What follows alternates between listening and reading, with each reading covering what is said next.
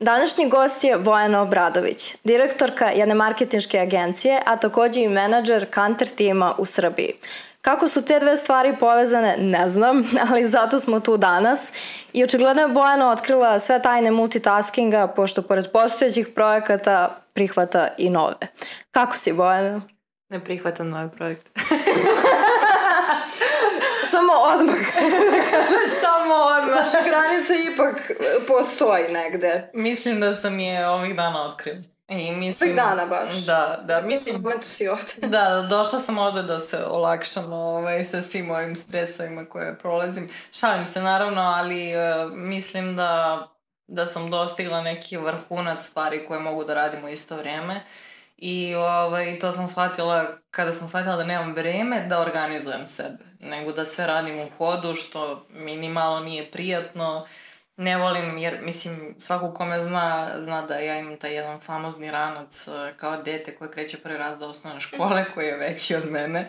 To je gamerski ranac koji izgleda kao planinarski ranac ali u njemu imam dva laptopa, uh, tri sveske, uh, miš, tastaturu, kablove za sve moguće stvari kao i konvertere. Uh, bukvalno da nestanem sa tim rancem, ovaj, svako bi me našao, ovaj, zato što bih uvijek imala način da se spasim. Tako da, ovaj, kad god idem negde, sednem, ovaj, bukvalno u letu, ako stižu novi task koji sve to upisujem u telefon, onda sednem, sve izorganizujem i onda može da krene da. Ali već dobar vremenski period, pa ja mislim jedno par nedelja ne postižem to da odradim. Treninzi moji lični manjkaju, ovaj, tako da mislim ne vreme da se malo podvuče crta. A na koliko projekata trenutno radiš? Sa tom crtom? Sa... Um, pa trenutno dve firme i desetak projekata. Desetak? Da.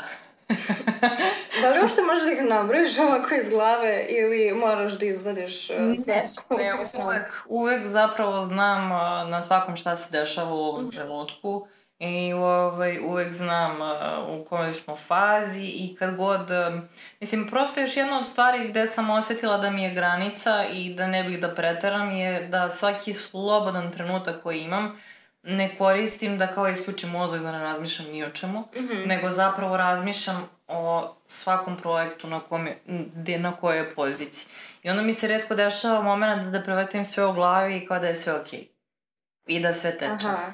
Zapravo, kad mi neko kaže ono, ne znam, pošto ja imam taj odbrambeni mehanizam, uh, kada sam um, ljuta ili tužna ili kada se posvađam sa nekim ili bilo šta tog tipa kad imam te neke loše emocije, otvorim laptop i radim. I proverila sam kod lekara zapravo, to je dobra stvar, jer sam mislila da mi nešto fali, verovatno da ću otići u šest burnouta i slično, ali ne, ovaj, zapravo je najbolja stvar koju možete da uradite za sebe kada ne ide kako treba, je da uradite nešto produktivno. I onda, verovatno, iz tog nekog prirodnog poriva ja sam stvorila sebi taj odbrambeni mehanizam gde ja sednem i otvorim, krenem da radim. I fascinantno je što svaki put imam dosta da radim zapravo ovaj, i uvek je nešto kvalitetno. Bilo bi čudno da nemaš. Zaista bi bilo čudno, da. Mislim, da. odgovor na pitanje kako si proteklih um, tri godine, ja mislim, Mislim da je sad mo možda malo čak i jače. Nisam više ni sigurno, gubim pojem o vremenu, iskreno. Ali uvek je odgovor na pitanje, pa evo u poslu. Ove, što ima novo puno posla. Ove, i, I kad ti ponestaje tema da pričaš koje nemaju veze sa poslom, e onda je znak da treba da podvučeš to. No, pošto smo već ušle u priču oko posla i tako dalje, da se vratim na svoj prvobitni uh, intro koji je trebalo da postoji, a to je da te predstavim kao uh, snajku Lepe Brene. I ovaj, uh, želim da, da čujem uh, od tebe ovaj, šta se tu dešavalo, uh, na koji način su mediji uticali tvoje ovaj, predstavljanje tvog privatnog života u proteklom periodu. E, to ja mislim neki ovaj, zapravo koliko god to smiješno zvuči ili bilo šta da. dokaz svemu tome koliko su te stvari normalne u mom životu je da je moja mama izgovorila i bilo bi mi čudno da se bilo što drugačije tebi desilo. Jer uh, prosto sam magnet za sve te stvari, ono, ne znam, za, za najgluplje bolesti, vjerovatno ih sve imam ja, ono, ovaj, za, za te neke nevjerovatne situacije, ali, ovaj, zapravo Viktor, najmlađi Brenin sin je naš uh, prijatelj od mene, mog verenika, I ovaj... Mog pravog verenika. Mog pravog verenika, tako je. Dakle, nisam verna za Viktora, još jednom da ponovim svima. Ali, ovaj, uh, bio je njegov rođendan od mog pravog verenika i naravno ja nisam znala da ću biti verana i o, on je došao, slavili smo svi zajedno i sad oni su svi znali, ja nisam naravno. I tu je bio vatromet, a ja sam baš veliki zaljubljenik u vatromet i nekako je sve imalo smisla zato što drug koji je organizovao vatromet inače ima hotel i stalno pravi to za svadbe, pa mi je kao imalo smisla da je on iznenadio mog verenika sa tim. I ovaj, ja sam inače od svih svojih stresova ogluvala na desno uvo, ovaj, tako da 80%, da, i, i kad nešto glasno kuca, ja ne čujem ništa ovaj, oko sebe. I onda sam ja stala i gledala u taj vatromet, nisam ništa videla iza sebe, to je, naravno nisam videla, nisam čula. I ovaj, on je mučenik meni dozivao, ovaj, pa na kraju mora da me pozove. Bojano, jer nisam se okrenula, onda sam videla, naravno sve to bilo prelepo, verovatno da sam zamišljala, ne bi mogla tako lepo da zamislim i opišem taj trenutak, ali onda kreće zabava, ovaj, zato što su svi to snimali. I Viktor je isto bio jedan od ljudi koji je to snimio, okačio na svoj story, tagovao mene, stavio srce. I ovaj, on je zapravo, pošto moj verenik nema Instagram, ali on je preko njegovog eh, kanteraškog imena tagovao i njega, kroz emojije. Da je da sad ko je. Ovaj, ali uglavnom, eh, kako je on to podelio, eh, mi smo posle toga u noć naravno nastavili slavlje i sve. I onda je samo prišao drugi i rekao, au, ti moraš ovo da vidiš. I ga pokazao mi telefon i kažem, dajte ljudi da moguće, ste već photoshopirali, pa prošlo samo 3-4 sata od veritbe. Ne, to je zapravo bio tekst na Mondo ovaj, portalu i onda je samo krenulo svi mogući portali, sve moguće novine. Ja sam u tri dana, ne, zapravo je bilo više, bilo je naredne, narednih desetak dana sam ja dobila friend requestove, mislim, i šalno stranu, ja ih i dalje dobijam. Ne u tom intenzitetu, ali u tih prvih 10 dana je bilo oko 10.000 zahteva za prijateljstvo, pošto je meni zatvoren Instagram profil. I, ovaj, I počeli su da pišu na sve strane, o, ja sam ono prosto ostala u šoku, ono, da, da je to toliko odjeknulo i nekako, pošto niti sam ja taj lik, niti je moj vernik, mi smo se tome mnogo smijeli. I sad, pošto su i naši kerovi, ovaj, naše dve ženke su isto na snimku, onda je moj verenk išao po kući priča kako sam je moja žena jet set, moji kerovi jet set, ono, jedna smo napravili cijelo sporednju od toga, moj tata se javlja na telefone, kad ga neko pitala, Bojana, to verena za Viktor? Da, jeste, jeste. Znaš, on nije ni pokušao, pošto mi i tata isto tako puno Da. I prosto smo celu priču okrenuli na neku pozitivu, Ovaj, zvali su i Brenu za izjavu, ona je dala demant odmah sledećeg dana, ali je to samo jedan portal objavio, to je i niko drugi. I prosto trebala im je neka priča, verovatno, ovo je ispratilo, mislim, što meni nije strano, nije ni tebe i ti si isto bila u novinarstvu ovaj, i, i znamo kako to funkcioniše, prosto kada nedostaje materijala napravit će se, stvorit će se nešto Htela sam da kažem koliko su vredni bili novinari kada su krenuli da pišu o tome da ste se verili u momentu dok ste još bili na proslavi. Tako je. to je, to je fascinantno. To je, to je mene, čas. da, to je mene zapravo šokiralo, jer ja mislim, uh, periodi kad sam ja bila u novinarstvu, to je bilo 2016, 17, 15, 16, mislim, slavo gubim pojma godinama, ali sigurno bilo pre 7-8 godina. Uh, I ovaj, uh, ja se zaista ne sjećam da je to toliko brzo bilo. Mislim, verovatno, ok, tehnologija je napredovala, internet, ono, postoji u najvećoj zabiti, ovaj, ali uh, zaista ja sam, naša veritba je bila negde oko 8 sati uveče, u pola 12 i to je već bilo objavljeno. Znači, to je nepune, ono, nepuna 4 sata. I do ujutru su već svi portali to objavili. To je bilo na sve strane. Mislim, ne znam, ja sam bila prepona tih nekih lepih emocija, pa mi je zaista sve to bilo smiješno. Mislim, Smešno. nas je smiješno. Ove, I dan danas, e, kad neko kaže mom vereniku te si, a nisam ja verenik, to zovite Viktora, ovaj, te stalno prebacuje. Ali da, mislim, prosto to je neki neverovatan splet okolnosti koji se desi meni. Znaš, ono kao kad gledaš one filmove... U filmovima, da. I misliš kao Bean. ne, neće se nikad E, da, da, da. se desi, da. E, bukvalno, ono Mr. Bean kad krene pa se saplete ovo, pa mu padne ono na glavu pa izgubi, e, to sam ti ja u životu, tako da... E, Znaš što je bila dobra stvar u svemu tome što ja sam čitala neke od tih članaka na portalima i svi su pisali lepo o. Pa, To je ono što me najviše oduševilo jer niko od njih u tom momentu nije pokušavao da iskopa na nešto loše, što uglavnom rade, da. nego je stvarno bilo onako uh, predstavljena lepo biografija o tebi na neki način. U smislu, Bojana je radila ovo, Bojana je radila ono, kao.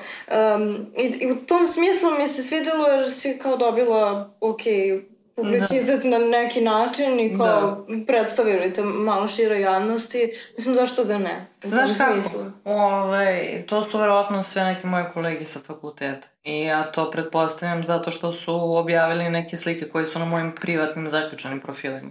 Tako da pretpostavljam da su to kolege, ovaj, hvala im što su prenali istinu, ovaj, to sigurno. I sa druge strane, nekako Ja sam se malo iznervirala samo s jedne strane zato što toliko radim u svom životu, ono, toliko se mučim, toliko sati provodim u poslu i onda se publicitet e, stekne sa te strane. I onda naravno da sam ja želela što pre da prođe cijela ta priča jer um, ne bih voljela da bilo koji od poslovnih uspeha... Nekako isto veće sa Tako tim, je. isto sa, sa poslom je, koji radiš. da. A mislim, svakako ne bira se, ja mislim, kada, kada dođeš u tih pet minuta slave. mislim, meni to i dalje presmešno zvuči ovo, ali mi je zaista bilo nestvarno mi, nestvarno mi i sada da kada uđem u bilo koji od tih linkova da pokažem nekome da smijemo zajedno, Nestvarno mi kad vidim svoju sliku photoshopiranu pored Viktora, mislim da mi je to i dalje najsmešnija stvar koju sam videla. Tako da, ne znam, ovaj, nisam reagovala, mislim, ne znam ni kako sam zamišljala da bi reagovala, ali mi je sve i dalje jako smešno. Neka ostane tako. da, da. Ovaj, e, mnogo ljudi proputuje svet, ali ti si ga nekako proživala, da tako kažem. da. Ove, i živala na više, više lokacija. Koji su razlozi ove, bili za, za selidbu? E, šta ti je to donelo na duže i kraće staze i šta te najviše razočaralo kada si se vratila ovde? Pa, iskreno, um, ajde krenut ću od toga prvo šta su bili razlozi da odem. Um, tada sam bila u vezi, ljubavnoj, ovaj, e, sa nekim... Ne sa Viktorom. Ne sa Viktorom. Ok, prestajemo ovaj da, prestajemo, prestajemo. Ove, bila sam u vezi sa dečkom sa Kipra i o, on je živao na Kipru i studirao je u Londonu. I prosto nisam ni verovala ni u veze na daljinu, niti bilo šta. Nisam ni verovala da će to opstati, niti bilo šta slično. Ali nekako e, brzo se tome pripojila i, i to, to neko interesovanje i ka sportu kojem se on bavio, to je streljaštvo. I isto tako i ka tom nekom delu startupa ili ti preduzetništva. Ovaj, jer prilikom nekih poseta njemu u Londonu sam kod njega na fakultetu odslušala predavanje o startupima i sve. Tu se razvila neka uzajamna ideja oko tog potencijalnog prvog startupa gde smo dalje nastavili da ga nadograđujemo. I ovaj, jako sam bila mlada u tom trenutku. E, imala sam 20-21 godinu kad je sve to krenulo i zapravo sam onako konkretno se uh, odvojila od Srbije za neke 23 godine.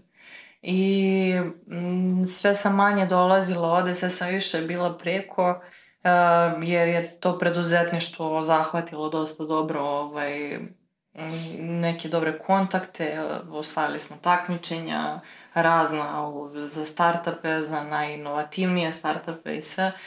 I jedna stvar je krenula sa drugom, pošto nikad u životu nisam znala da radim samo jednu stvar. I mnogo se brzo nervozim kad radim samo jednu stvar i prosto ne drži me mesto i hvala Bogu pa sam uvijek imala roditelje koji su me uvek podržavali. Nikad im nije bilo jasno zašto, ali su uvek bili kao najveća podrška i roditelji, i brat i sestra. Prosto nije im bilo jasno kako mene uh, vozi tako nešto, takva neka energija da ja u toku jednog dana izađem iz kuće sa tri ranca, odem i u školu i na posao i na trening i sve. I kao vratim se, ja sam srećna na kraju dana, ono, a ne vidim na očima, kao hoću da se struši. Ovaj, tako da e, i taj život preko isto tako krenuo. E, bilo mi je jako zanimljivo e, zato što sam upoznala neki potpuno novi univerzum. Što se tiče posla. Navikla sam do tada na taj neki naš srpski mentalitet rada, iako sam sve vreme osjećala da to nisam ja. Nekako sam se osjećala u kojoj god firmi da sam radila, da sam stažirala, bilo šta, pošto sam opet jako rano i krenula. Ja sam se bavila nekim drugim stvarima od 15. godine, o tome ćemo ako budemo imali vremena danas. Ovaj, ali negde i sa 19 sam krenula da kažem u te baš kao poslovne vode. I skapirala sam kakav je taj naš sistem rada, kakav je taj naš uh, stil menadžmenta. Ni malo mi nije bio prijetan ni malo se nisam lepo osjećala. Svaki dan kada bi dolazila na posao, koji god on bio, uvek sam imala neku tremu, anksioznost, nelagodnost. E, nikad se nisam osjećala kao da sam to ja, da mogu iskreno da pričam šta mislim. I onda kad sam otišla preko sam upoznala e, dosta kvalitetnih ljudi ovaj, koji su mi pokazali da ne mora tako ali isto tako sam upoznala dosta još gorih ljudi nego ovih kod nas. I onda negde su mi se vidici potpuno raširili i izašla sam iz te neke kocke koje sam bila u glavi ono, po pitanju razmišljanja, da postoji samo jedan pristup radu koji funkcioniše, da postoji samo uh, taj metod neki prisile otprilike, ovaj, ako je neko u tvojoj firmi neće otići nikad zato što ćeš ti da mu kažeš da si ti najbolji ili šta god. No. Mislim, poznato nam je svima. I o, nekako dok sam se razvijala preko, mislim da je, o, o, mislim, voditi jedan startup je kamoli tri, kao što sam ja bila uvezana sa tri startupa, e, to je najveća životna škola to je definitivno najveća životna škola i sve one silne motivacione hustle poruke zaista imaju smisla kada proživiš to. Uh, nemaju smisla ako sediš u krevetu, jedeš čips i gledaš njih i motivišeš se.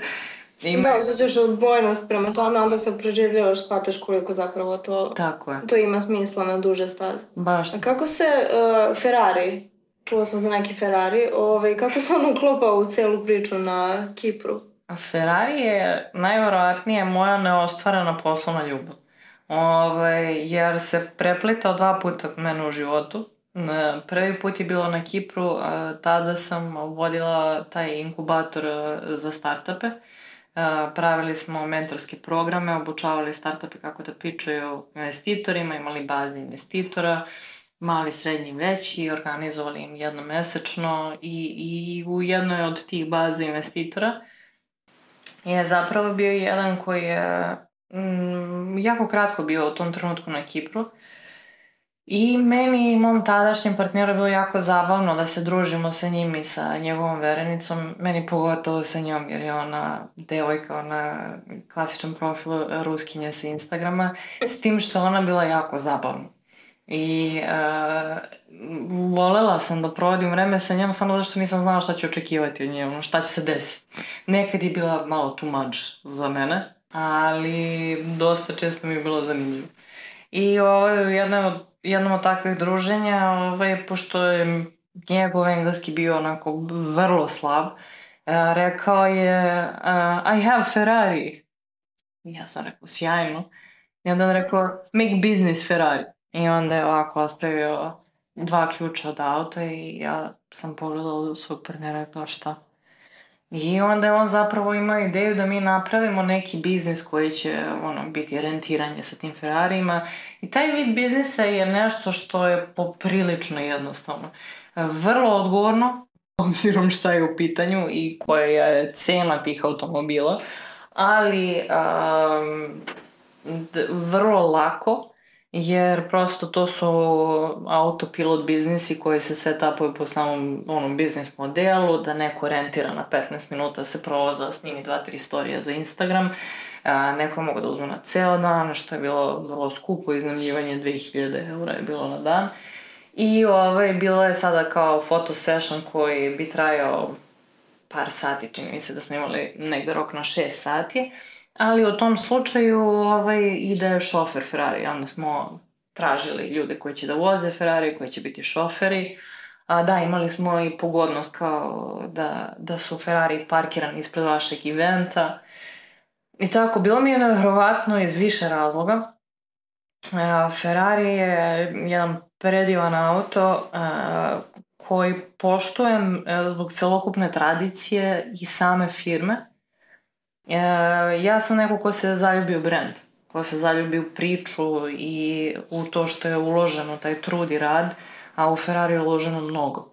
I meni je prosto bilo neverovatno da je to auto zapravo, to je bila 2016. godina, auto je bio model iz 2012. Znači četiri godine star. U Ferrari svetu to je dinosaurus zato što se to uvek gleda da je najnoviji i najbrži auto.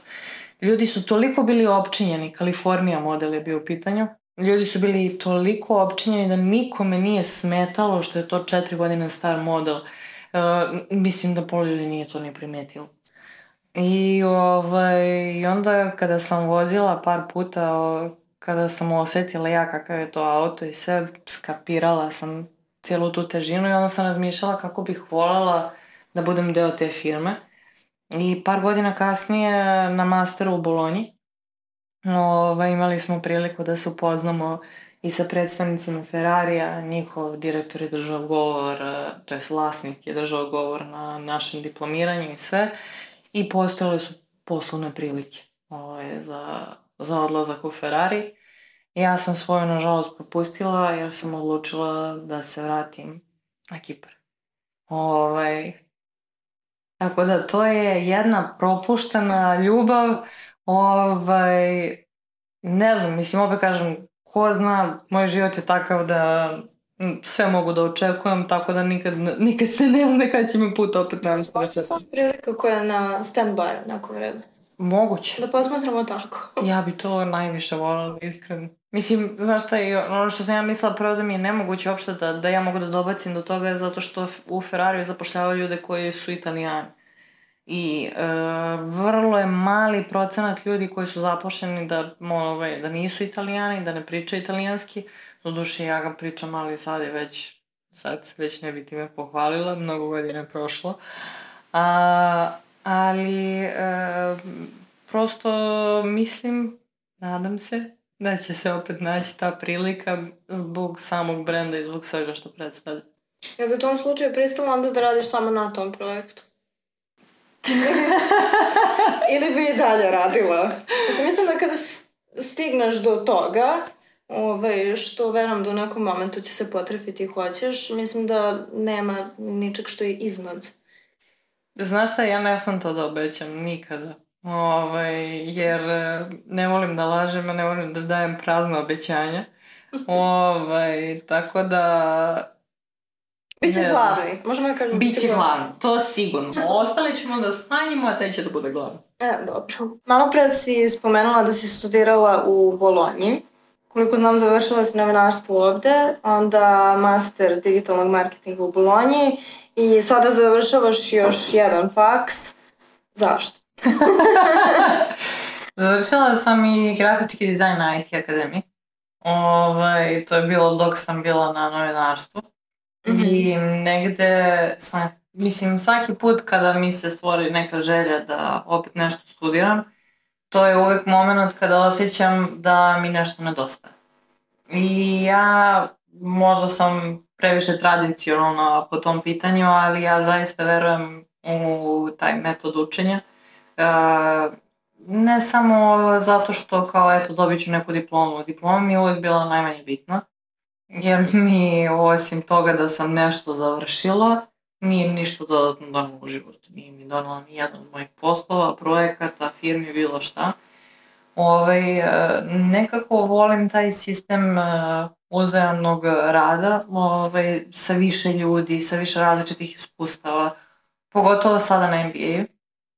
Na MBA-u, pošto MBA executive, to su svi ljudi koji su već u nekim uh, seniorskim pozicijama, koji već imaju dosta različitog iskustva i svi smo baš menadžmentu, bilo čemu, jer um, smatram da svako ko dođe do određenog nivoa senioriteta, prvo stvar koju treba da odbaci je ego i sujetu i da jedino na taj način zapravo neko može da napreduje. E, I mislim da je najveći problem kod nas u Srbiji što dosta ljudi e, mešaju ego i sujetu sa samopouzdanjem.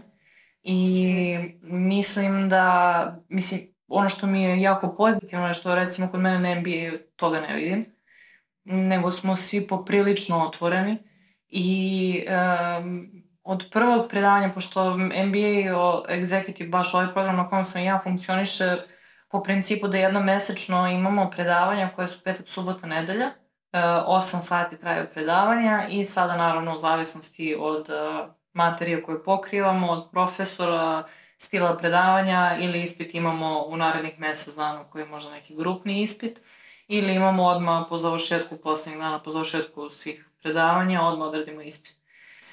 I sad možda zamisliš kako je to zabavno ovaj, kada inače radiš, koliko radiš i onda nemaš ni taj vikend, zapravo vikend provedeš u učenju.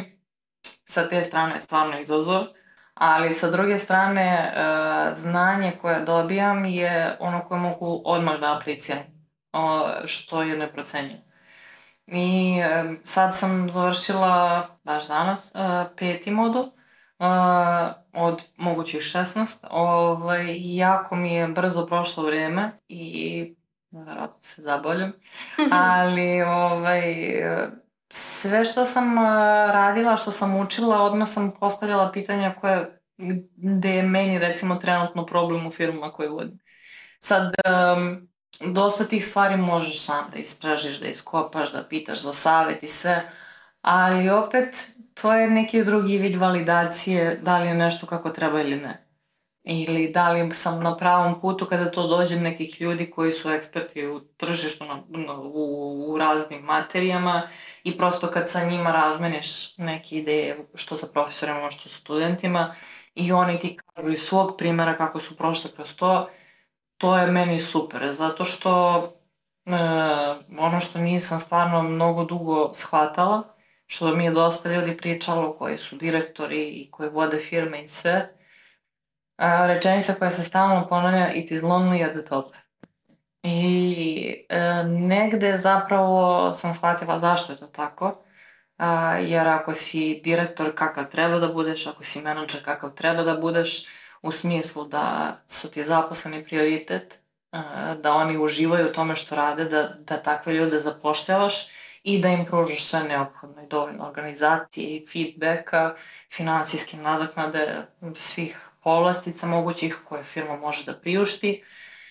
E onda zapravo shvatiš da su direktori i menadžeri oni koji najviše rade i da bi to tako trebalo da bude. Sa druge strane, a, stoji ne, nije mi sa druge, sa iste strane još ajde poteško, sa strane poteškoća, ne, gubiš negde taj luksus da ti u svakom trenutku možeš da se isključiš i da budeš nedostupan.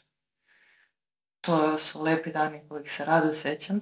Ovaj, mislim, možeš, ali ono što može da se desi kasnije, ako se ti ne javiš na jedan telefonski poziv, ako ne odgovoriš na jedan mail na duže od jednog dana, uh, ili na nekoliko poruka, to je nešto što te sačeka u mnogo većem obliku iza.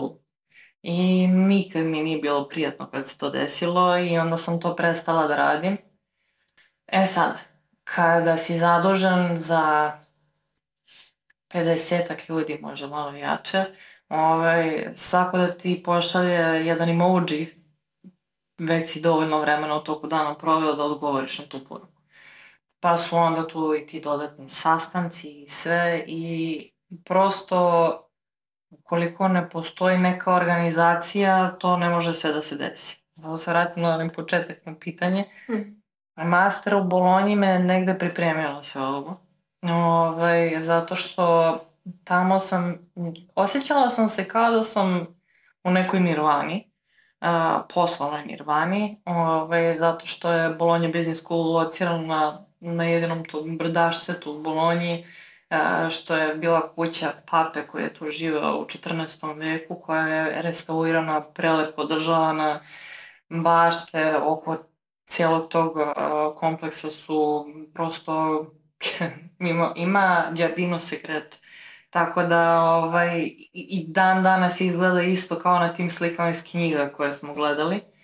I um, ceo taj ambijent te jako inspiriše da učiš da radiš, ono, vazduh je čist, uh, nema tu gužve, nema sada da ti moraš da prolaziš kroz uh, smog, kroz prevoz i sve ostalo, ne, ni odeš tamo ujutru i tamo si cel dan. I ljude koje sam tamo upoznala, uh, bilo nas je 42 u generaciji i 23 uh, različite nacije. Što je stvarno prelepo. Jer uh, nekako sve predrasude, sve zadrtosti koje sam imala u glavi iz bilo kog ovaj, poriva, ne znam, mislim, dosta, mislim, većina njih je bilo neosnovano, ali ajde, ono, kako sam odrastala, pa sam te stvari možda čula, pa kao, ajde, znaš, kao, eto, to ja isto mislim.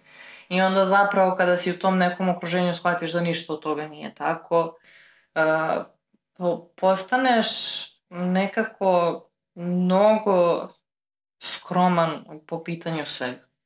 Postaneš skroman na način na koji gledaš svet, postaneš mnogo zahvalan na svemu što imaš i zahvalan na, na svemu što ti je život pružio u tom trenutku.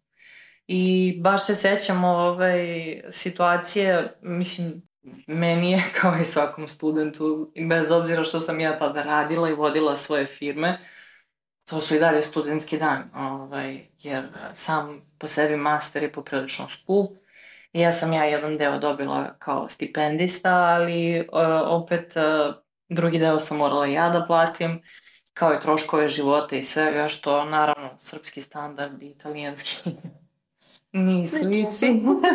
da. I ovaj, um, delila sam stan uh, sa koleginicama sa faksa, sa jednom iz Portugala i sa jednom iz Španije i uh, blizu nas su isto živjeli tako još par njih i bili smo kao neka mala marketing komuna, ono, otprilike, gde smo nekako svi zajedno svaki dan išli na fakultet. Sećam se da smo par nedelja organizovali kao grupno kuvanje. Ovaj, jedna osoba kuva za nas deset. Ovaj, tako da smo svi tako se u krugu izvrteli i kuvamo ono tradicionalno. I bilo je to nekih mnogo zanimljivih stvari koje nisu direktno povezane sa poslom i, i sa učenjem, a koje su dosta lepo uticale na to. Jer kada se probodiš od momenta kada otvoriš oči do uveče, dok ne legneš da spavaš, ti konstantno učiš nešto novo. O životu, o, o nekim socijalno-društvenim uh, pojavama, o prosto različitim kulturama, pa onda naravno tu je i taj deo o predmetima tim novim gde dolaze eksperti koji ti opet otvaraju vidike na neki drugi način i sve je išlo ka tome da, da samo unapređujem sebe, unapređujem, unapređujem do tog, do tog nivoa da zapravo sam shvatila da mogu sve u životu šta poželim. I mislim da mi se taj neki breakthrough u glavi desio tada kada sam bukvalno bila, ono, ne znam, sa 100 eura u džepu, a tipa 12 u mesecu. I onda opet uz pomoć svih tih ljudi ja opstanem do kraja meseca, ovaj, jer sledećeg meseca ću biti ja koja ću biti u prilici da pomogam nekome na taj način. I tako smo se stalno vrteli u krug i ne znam, ono, neki, neki najteže životne situacije, naj, najteže životni momenti su mi se desili dok sam bila u Bolonji I svi ti ljudi koje znam, samo nekoliko meseci su mi bili kao porodica. I podržavali me i našli su mi se i zanimljiva stvar je da na kraju studiranja ja sam se selila iz Bolonje 16. jula. 18. jula je bila svadba moje rođene sestre. I ove, ovaj, imala sam razgovor za posao u Milanu. Ovaj, I onda sam 16. otišla u Milano. tamo sam sačekala svoj let uveče i došla sam kasno uveče 17. i organizovala sve što je trebalo, što je ostalo od organizacije za sestrinu svadbu. I tu, mi se, tu su mi se pridružili moji cimeri iz Portugala. I ovaj, oni su uživali o, na srpskoj svadbi, pili rakiju, igrali kolo koje nikad u životu nisu i eto, sad sam ih u septembru videla opet posle tri godine i nekako te, te, konekcije koje stekneš sa tim ljudima, to su neprocenjive stvari u životu. I koliko god da je bilo teško, uh, mislim, ja sam donela odluku, sećam se da je bio 28. august, ovaj, jer pamtim da je to drugaricin rođendan. Ja sam njoj čestitala rođendan i nešto smo se dotakle nekih tema putovanja Italije, tako nečega. A ja sam već neko vreme u glavi imala ideju o masteru. I pošto nisam znala ni gde ću ni šta ću, ali znala sam da želim da bude inostranstvo, ja sam krenula da istražujem. Ovaj, I zapravo od 28. augusta je krenulo istraživanje. Ja sam već 27. septembra imala uh, svoj intervju za master. Uh, 3. oktobra sam imala jedno polaganje, 4. drugo, 5. treće i 10. oktobra sam ja već dobila ponudu za moj master. Tako da je prošlo manje od meseci i po dana od momenta od kada sam odlučila do momenta kada sam dobila ponudu. I u decembru, 16. decembra sam otišla u Bolonju. Tako da je to, mislim, kada ljudi kažu to je posao i sve jeste, ne lažem, ne osporavam, ali se desio za tri meseca od moje ideje do toga da sam ja u Bolonji i, i da ja krećem svoj master studij. Tako da taj posao zapravo i nije bio toliki. Pa nije, mislim da posao ni jedan nije veliki, zato što um, veliki posao i težak posao je samo onaj koji nas ne interesuje i onaj koji nas ne privlači iz bilo kog razloga. I to opet kažem iz iskustva zato što za neke najnebitnije taskove mi doživotno treba vremena da završim. Ovaj, iako je to nešto zašto mi treba 15 minuta. I um, pošto sam kao dok sam bila mlađa sam za dosta stvari bila procrastinator, ono, jedan kroz jedan. I... Da, to su stvari bile stvari koje te ništa ne zanima. Tako je. Da. Tako je. Mislim, trebalo mi je vremena da ukapiram i dugo sam za sebe smatrala da sam lenja osoba i da treba da se aktiviram i zato sam toliko stvari radila u isto vreme da, da bih naterala sebe da ne budem lenja. U stvari sam shvatila da ja ni u jednom trenutku nisam bila lenja, nego se nisam bavila stvarima koje me zaista interesuju. Mislim da definitivno nisi lenj. Za nek nebitnija poruka svega danas. Ove, a, reci mi kako si od uh, tog uh, čuvenog mastera stigla do toga da imaš svoj counter team? A, pa to... Kako si stigla do gaming industrije uopšte? Zapravo, setila sam sada da ti nisam nikada odgovorila na pitanje šta me razočaralo kada sam se vratila u Srbiju. Ovaj, a to je Pa nič. nakon ovoga, htjela sam da kažem sve. Pa zapravo nije mi ništa razočaralo, Aha. samo sam sve krenula da, da gledam kroz neki kroz neku potpuno drugu prizmu. Penula si se ti i onda... Tako je. Da, da. Tako je. I, I shvatila sam ono što ja mislim da dosta naših mladih ljudi ne znaju. Da ne treba da odeš negde da bi ti bilo bolje, nego treba da ti bude bolje tu gde jesi, pa će sve oko tebe biti bolje ne osporavam, svakom, svakom preporučujem jednom u životu iskustvo u inostranstvu, jer samo tada si zaista sam sebi i sam sebi gazda. Mislim, zapravo ti odlučuješ o svom životu i ti odlučuješ šta će se tebi desiti i nema nikoga tu da ti pomogne, niti je bilo koji jedan, jedan telefonski poziv od toga da ti reši bilo koji problem i za sve moraš mnogo da se potrudiš. I mislim da samo naučiš uh, sebe nekoj životnoj disciplini uh, i strajnosti i da, da ne prestaneš jer prosto primoran si, da, da moraš da budeš uh, stalno aktivan, da moraš da budeš istrajna, istrajan i, i, i da moraš da težiš ka tome što si naumio, jer ako to ne uradiš, gubiš poentu zašto si uopšte i otišao preko. I, ovaj, i ok, mogla sam ja to mnogo ranije shvatiti, nisam morala da čekam 7 i po godina, ovaj, ali nema veze. Ali uh, kada sam se vratila, zapravo sam shvatila da ja mogu da imam sve baš od. I ono što mi je bilo najteže, što sam ja bila udaljena od porodica, od prijatelja, od svih ljudi koje volim, od svega što volim. I taj moment ovde je bio opet, vratila sam se u Srbiju, prekinula sam tu svoju vezu od 7,5 godina, par meseci pre mog povratka. I onda sam se vratila, rekla sam ok, novi start na stano mesto. Tamo gde me znaju, tamo gde me vole i tamo da me podržavaju, jer sam se pri tom kraju uh, života u inostranstvu zapravo zbog svih okolnosti, zbog firmi koje nisu uspele i sve. Mislim da je i to jako bitno da ljudi znaju, ono, kada sve funkcioniše super i kada tako dobro izgleda na Instagramu, verovatno nije ništa od toga dobro. Jer e, ljudima je bilo jako čudno što sam se ja vratila jer sam ja izgledala verovatno na svojim društvenim mrežama sjajno. Kao da živiš najbolji život. Tako je, tako je. Ja sam zapravo prolazila kroz najteži period svog života jer sam živela sama na Kipru gde ljudi vrlo nisu a, priklonjeni ženama, najmanje u poslu.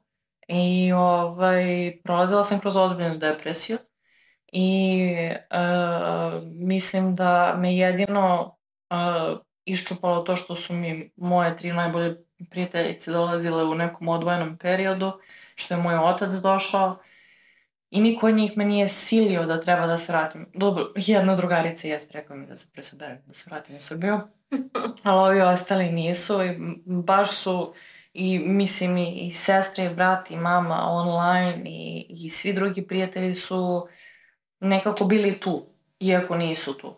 I onda sam stvarno sve vreme razmišljala zašto ja ovo uopšte radim. Šta će meni taj život? Sve to što ja radim je online. Ja sve to mogu da radim, a da sam blizu svojim najbližim. I onda sam se vratila. E onda kreće... poslušala tu drugaricu? Da, da, da. Dana? Da, mislim ona je ona je najveći uh, ono, tvorac istine i najefikasnija osoba živo, životno, jer kod nje uh, emocije su uključene samo kad treba i kad je ljudski, a ovaj, sve ovo ostalo nema preteranih emocija kod nje i stvarno je mnogo volim zbog toga. I ja sam dosta gruba bila i prema njoj i prema druge dve drugarice kada si pod depresijom stvarno ne razmišljaš baš najčistije moji odgovori ka njoj su bili jezivi. I mnogo je hvala ovom prilikom što, što je bila tu, što nije odustala od mene, što niko od njih nije odustao od mene. I mislim da je to mnogo, mnogo bitno u životu da imaš takve ljude. Mislim, to je drugi dodatni aspekt koji mi je pomogao u životu, jer za tih sedam i po godina krug prijatelja i poznanika se jako raščistio, pa su samo pravi ljudi ostali. I, ove, ovaj, I zato sam mnogo srećna, jer ja nisam morala da to radim, zapravo se sve samo iskristalisalo. E, ovaj, onda kad sam se vratila u Srbiju, nije prošlo puno vremena, ovaj, upoznala sam svog sadašnjeg verenika koji je gamer svog celog života. I onda je krenuo neki potpuno drugi svet za mene. I još jedan novi svet. Apsolutno. Nakon onih tri. da. Bilo mi je interesantno, baš to što si rekla, shvatila sam da, da ja očigledno imam neki veliki dijapazan ono, mogućnosti, da ja uvek sam spremna za nešto novo i da je meni to uvek interesantno, da nisam odbojna ka tim stvarima, jer prosto gaming mi je sada bio interesantan. Naravno, nije bio prve, prva tri meseca to buđenje, ove, uzdranje, baci flash, evo ga levo, raž B i ostalo i sve te kanter izjave, to je apsolutno bilo nešto potpuno novo, mislila sam da me neko napada u sve noći i sve, ali sam vremenom se toliko navikla na to da mi je bilo čudno da se uspavam bez toga. I, ovaj, I sad, pošto je moj vernik sa njegovim prijateljima napravio tu ekipu 2008. Jer oni od 2002. su u Kantaru, kada je Kantar bio još uvijek 1.6 ovaj, uh, oni su krenuli sa tom ekipom koju zove Nation i o, oni su napravili takav sklop ljudi da su sad svi ti ljudi koji su bili deo Nationa, velika većina, su sada zapravo neki od najpoznatijih gamera na svetu. I ovaj, u nekom trenutku uh, se desilo da su oni svi otišli preko i onda se cela ta priča nekako zagasila. I on je meni stalno pričao o tom i Nationu i sve. I kako je njemu to bilo sjajno. Ovaj, I nedostajalo. I... Tako je, tako je. I sad ono što gde se ja aktiviram je kada ja prepoznam da neko je baš zaljubljen u nešto što može da bude posao. Nečiji posao, prosto ja, ja smatram da je neko najsrećniji najuspešniji kad radi ono što voli. Mislim, logika, ono, apsolutno zdrava. I ja sam onda rekla, ok, pa hajde da vratimo i nešto. I on je rekao, pa dobro, ali ne znam kako, ja mogu da se bavim ovim delom, ali ne znam poslovni del. I onda sam mu ja rekao, pošto sam u tom trenutku bila devojka, sva sreća pa imaš devojku koja zna i koja želi da ti pomogne. I onda smo krenuli sa tim i, i dan danas učim i dalje o tome jer je to potpuno novi svet. Gaming uh, je nešto što će biti uh, u žiži javnosti u Srbiji kroz nekoliko godina. Mislim da naša scena još uvek nije spremna za to. Iako ima dosta fanova iz Srbije, iako ima dosta poznavaoca kantera i e-sporta i svega, mislim da prosto to nije stvar uh, koja je društveno prihvatljiva još uvek. Da bude kao zmaja. Norma, da. da. da. A kako ste okupili taj tim? Kako pronalazite dobre igrače? Ili da li su to, da kažem, obični igrači koji vremenom postaju dobri uz vašu pomoć? I uh, pričaj mi o kvalifikacijama na jedno važno takmičenje. Ove, ovaj, znaš šta, uh, kao što sam rekla, ja se bavim poslovnim delom, ali delom pronalaska igrača time se bavi moj verenik, jer on je ekspert za te stvari. On zna da prepozna ljude i Mm, on i kad je pravio tu prvu ekipu, on je imao taj kor od e, njih trojice koje je želeo da, da budu u timu, a za dvojicu je verovao njima na preporuku. Pa su bili na trajalu i sve, pa su krenuli malo da rade i meni je fascinantno do današnjih dana kako a, on ima taj osjećaj prosto za ljude u smislu ko je talent i ko će zaista biti neko veliko ime. I cijela ta ekipa koja je sada, to je pet toliko dobrih momaka i toliko vrijednih momaka i, i, i sva petorica žive taj kanter, žive taj, taj e-sport i mislim da je to i ono zašto su oni uspeli da naprave tako veliku stvar. A ta velika stvar što si pomenula, to je RMR u Kopenhagenu. Um, kako, kako mi je rečeno da, da poredim kako treba, znači to je kao recimo u Liga šampiona, e, to je na tom nivou u kanteru. I um, da napravim ono poređenje, to je kao da borac iz Čačka da se kvalifikovao za tu istu ligu šampiona. Eto, to je i Nation ekipa uspela da odradi za RMR u Kopenhagenu. Um, to su kvalifikacije koje traju jako dugo I ima, ima taj open deo kvalifikacije, ima oni koji se kvalifikuju iz drugih turnira velikih, pa ono, već imaju taj direktan prolaz. I sad taj open kvali uh, je trajao dva dana. U oba dana je bilo oko 1200 ekipa. 1200? Da. I od tih 1200 ekipa momci su došli do top 16. I onda od tih top 16 se igrao taj svi stage Svi stage u Kanteru funkcioniše po principu da se igraju ti best of jedan mečevi, gde se igra samo jedna mapa. Inače, neki, da kažem, neka norma je da se igraju te tri mape u dve dobijene, ali obično kada je ta neka početna faza bilo kog turnira uvek se igra ta jedna mapa. I ovaj, u svi stage-u funkcioniše tako što uh, su podeljeni po grupama, odigra se po jedna mapa sa svakim iz grupe, pa se onda oni rankiraju pa onda jedan sa drugim, drugi s trećim, to već kreće best of three i uglavnom ono što je njima najbitnije da tu dobiju e, tri meča. I ovaj, nakon tri dobijena meča onda prolaze na RMR gde se sastaju sa najvećim i najboljim ekipama na svetu koje imaju ozbiljne budžete, koji ozbiljno ulažu i to su ekipe koje imaju psihologe, terapeute, ne znam, sve moguće specijalno što možeš da zamisliš, stolice, anatomski, ovako, onako, milion nekih sponzora i svega. Naši momci ne uživaju takve uslove, ali uživaju ono, poprilično dobro za srpske standarde. Mislim, ja se makar trudim i zaista nastojam da tako bude. I ovaj, I ono što je meni fascinantno je da su oni uspeli, pošto to nijedna ekipa nikad iz regiona nije uspela, i to je bukvalno bio istorijski moment. Ne postoji osoba u regionu koja ne prati kanter da nije slavila tog dana sa nama. I narednih dana i dalje isto. Ovaj, tako da nas taj Kopenhagen čeka jako brzo. Ovaj, 9. aprila. Tako da smo baš uh, sad u pripremama ovaj, momci su na bootcampu i ono što im treba na tom, na tom Eramaru da se desi isto da osvoje tri meča, da bi prošli dalje na Majoru u Parizu, koji je, obzirom da je pre par dana izašao novi kanter, posle 11 godina, izašao je CS2, ovo je poslednji major na kome će se igrati CSGO, tako da je istorijski Svakako. I, da, sad sam se malo naježila od samo u cijelom tom svetu da me već i emotivno pogađa. Ali, ovaj, e, da, oni, ako uspeju da osvoje ta tri meča, onda će otići tamo gde onda već, e, to su već neke druge razine, to je već dolazi do toga da oni osvajaju te stikere, gde svako na svetu ko igra kanter može da ima stiker na njihovom skinu, mhm. oružje ili bilo čega drugog, tako da...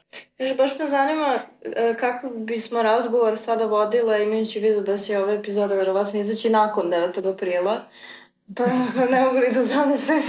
Volila bi da znam. da, da, da možemo da, da predvidimo samo šta, šta će se desiti, pa da možemo i o tome da pričamo, ali Valjda ćemo se vratiti na ovo i da, da ovaj, će ići u istom smeru kada budemo gledali nazad. I ja se nadam iskreno, ovaj, uh, verujem u njih i uh, ovo je ono tipična underdog priča. I, uh, outsider, outsider. Outsider, je. Yeah. Outside. outside.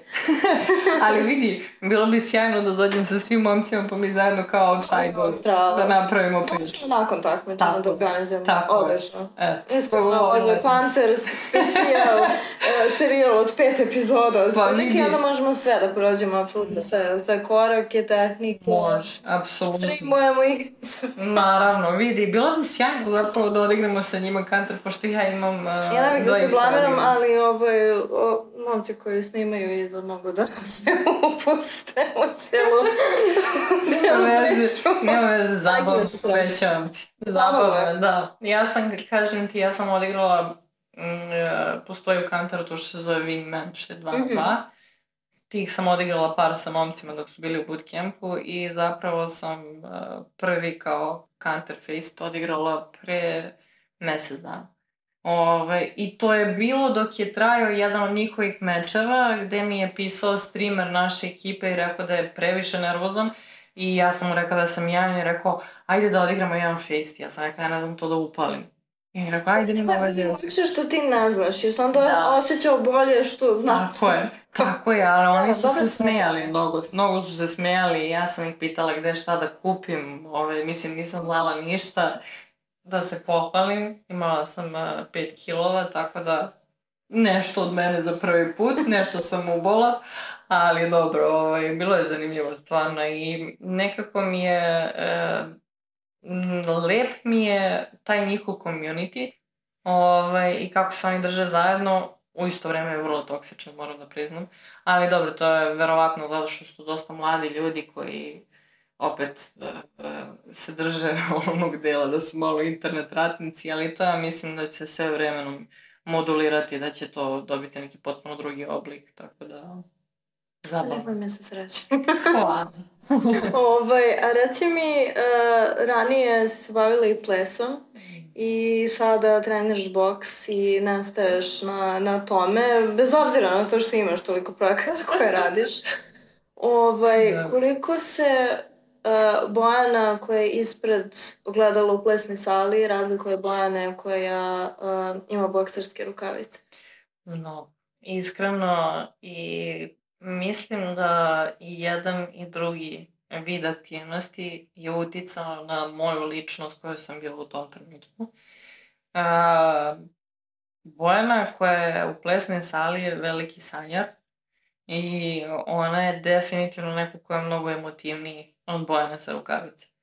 Ovaj, baš se sećam i tog cijelog perioda dok sam se bavila plesom, bila sam previše emotivna u smislu da sam previše bila otvorena ka ljudima, ka svakom. I nisam nikakve granice povlačila i mislim da sam zato i bila dosta povređena. A boks sa druge strane e, mi je dao sve što mi je neophodno da bih mogla da postignem sve što želim. E, daje mi dovoljno e, izdunog ventila, daje mi dovoljno samopouzdanja. Borbene energije. Tako je, borbene energije i prosto uvek me podsjeća da zapravo je samo najteže u početku. Zato što kogod je ikada trenirao boks nekoliko meseci, zna da kada krene trening da su prvih 15 minuta bukvalno najgori, da misliš da umireš i sve, ali kada pretekneš ono tih 15 minuta, posle zapravo dobiješ sve više i više energije od toga što je jači trening. I kada završiš trening, imaš snage za još. I e, nije mi se to nikada do sada dešavalo i nikada mi se nije dešavalo zapravo da, da mogu da, da se osjećam posle treninga sa toliko razbistrenim umom, ono, da, da prosto osjećam da mogu da uradim bilo šta. Tako da to mi je najzabavnije. Da li mi nije jasno odakle ti energije uopšte dodaš na trening? pa, e, znaš kako, ja to, uh, ja imam taj uh, krug zapravo, ono, da moram da odem na trening da bih imala energije da radim. A da bih imala energije da radim, moram da odem na trening i onda tako se u krug i zapravo gde se nakupim negativne energije, tamo se ispraznim i dobijem snage da dalje da. Da, i ovako u krug. Jeste. I onda mislim da zapravo i ono što mi je najbitnije od svih sportova sa kojim se bavim i rekreativno i aktivno i od tolikog sedenja, zato što ja minimum dnevno provedem 12 sati ispred laptopa, to je neka donja crta. I osjećam i takako bol kičmi i prosto da, da nisam toliko fizički aktivna. Mislim, i kad nisam, pošto se dešava stvarno da imam nedelja kada sam prezauzeta, i da ne odem cijela nedelja na trening i mislim da mi ne postoji gora stvar od toga. Mislim da, da, da niko ne može više od toga da me kazni. Nisi bila danas na treningu? Ne. Ovo je ta nedelja, zato se osjećam Aha. dodatno emotivno jer je dočekam Aha, odem na trening. Da. Okay. Dobro, sutra je ponedeljak, novi početak i tako, tako sve kako kako. Tako je, tako je, sutra sam ujutro na trening. Ovaj, a reci mi kako organizuješ svoje taskove ukratko tokom dana. Pošto ne znam da li ti pomažu uopšte tehnike kao time blocker i tako dalje koje su popularne, pošto Pa time blocker je za mene misalna imenica. Da, apsolutno, da, ali mo moram da, da, da. pitam. e, pa iskreno, e, ja imam mnogo sastanaka toku dana i e, nekako se orijentišem prema njima. I znam da je prva stvar koju ću ujutru odraditi je uh, da pročitam sve mailove, da pripremim sebi ceo dan, da pošaljem briefove putem maila i onda onako religiozno otvorim svoju uh, beležnicu i zapišem sve sastanke koje imam u toku dana i sve taskove s tim što podelim na one koje su prioriteti i oni koje nisu time sensitive, ali bi bilo dobro ukoliko imam vremena da ih odradim. I onda uh, moj fulfillment moment je kada ih prekrižim, ali isto tako s druge strane to mi dozvoljava da vidim koje nisam odradila, da bih mogla da ih prebacim za sledeći dan. I ono što uh, stalno gledam je da budem fleksibilna u pomeranju svojih sastanaka i da budem dovoljno otvorena sa ljudima u komunikaciji tako da znaju kada pomeram te sastanke da nije ništa zato što ja, zato što mi, su, mi oni manje znače ili bilo šta slično, nego prosto da mi je neophodno to vreme da ukomponem sa nekim drugim. To je ono što ja mislim da je najbitnije, to je prva stvar, a druga stvar, um, da budem poprilično agilna sa svojim vremenom i da budem uvek spremna da će uleteti veći prioritet od onoga na čemu trenutno radi. Jer se to konstantno dešava. Ono koga si mislila da je, za koji si mislila da je prioritet. Tako da. je. I da uvek budem spremna da delegiram. Ove, delegacija je nešto što mi je najteže palo u, u mom poslu, ali ne zato što mislim da niko ne može da odradi posao kao ja, nego zato što e, konstantno imam osjećaj da način na koji ja zamislim nešto da odradim, da mogu nekoga da preopteretim sa tim. I e, često ne mogu da se otrgnem osjećaju kao da ne pokušavam se setim i, i dalje sam malo gastarbajterka za neke stvari, ali ono, setting up for a failure, e, često imam taj osjećaj za ljude e, kada im delegiram određene stvari sa metodom kako sam ja to zamislila da se odradi. Tako da ne znam, ne znam, trudim se, ali a, to je ono, poslednja linija odbrane, definitivno. I pošto se bližimo kraju, I postoji još nešto što nismo prošle da bi podelila jer smatraš da je korisno. I takođe da me govoriš na pitanje uh, kada si se ti osjećala kao outsider i u kojim situacijama se još uvek osjećaš tako?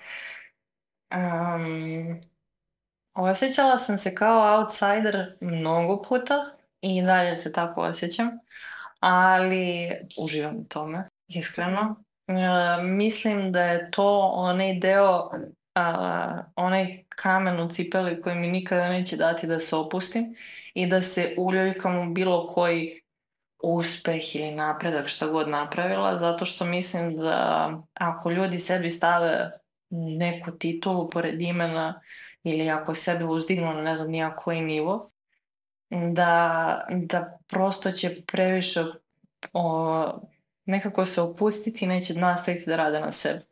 Zato više uživam u tome da budem outsider, da ne budem neko Inside. ime. Inside, tako je. Ovaj, ali ono, specifičan neki specifični moment, ajde da kažem, je zapravo bio um, baš kada sam diplomirala u Bolonji. Um, jedan od, da kažem, većih, e, zato što mi je to bio najlepši i najtužniji dan ujedno. Ovaj, najtužnije zato što niko od mojih bližnjih nije bio u prilici iz različitih razloga, svi vrlo opravdani. E, niko nije mogao da bude tu i ja sam bila jedina koja nije imala nikoga sa mnom. Mhm. A opet uspeh je stvarno bio jako veliki i sa rezultatom koji sam postigla i sa svim. I nekako jako sam uživala u tome jer sam mogla da, da se srodim sa trenutkom koji se dešava, što je jako teško danas. I dokaz tome je da od svog diplomiranja na svom telefonu imam samo jednu sliku. Tako da, eto, lepo je biti outsider. A, da li bi bila ljubazna da odradiš odjebnu špicu? A... Na svoj način. Da, naravno. Evo možeš ovde da se namestim. ne, ne, ostane isto, skoro priroda. Hvala vam što ste gledali još jedan podcast uh, Outsidera. Uh, danas sam ja bila specijalni gost, ali mislim da treba da pogledate svaki naredni, jer nikada ne znate koji outsider će promeniti vaš život.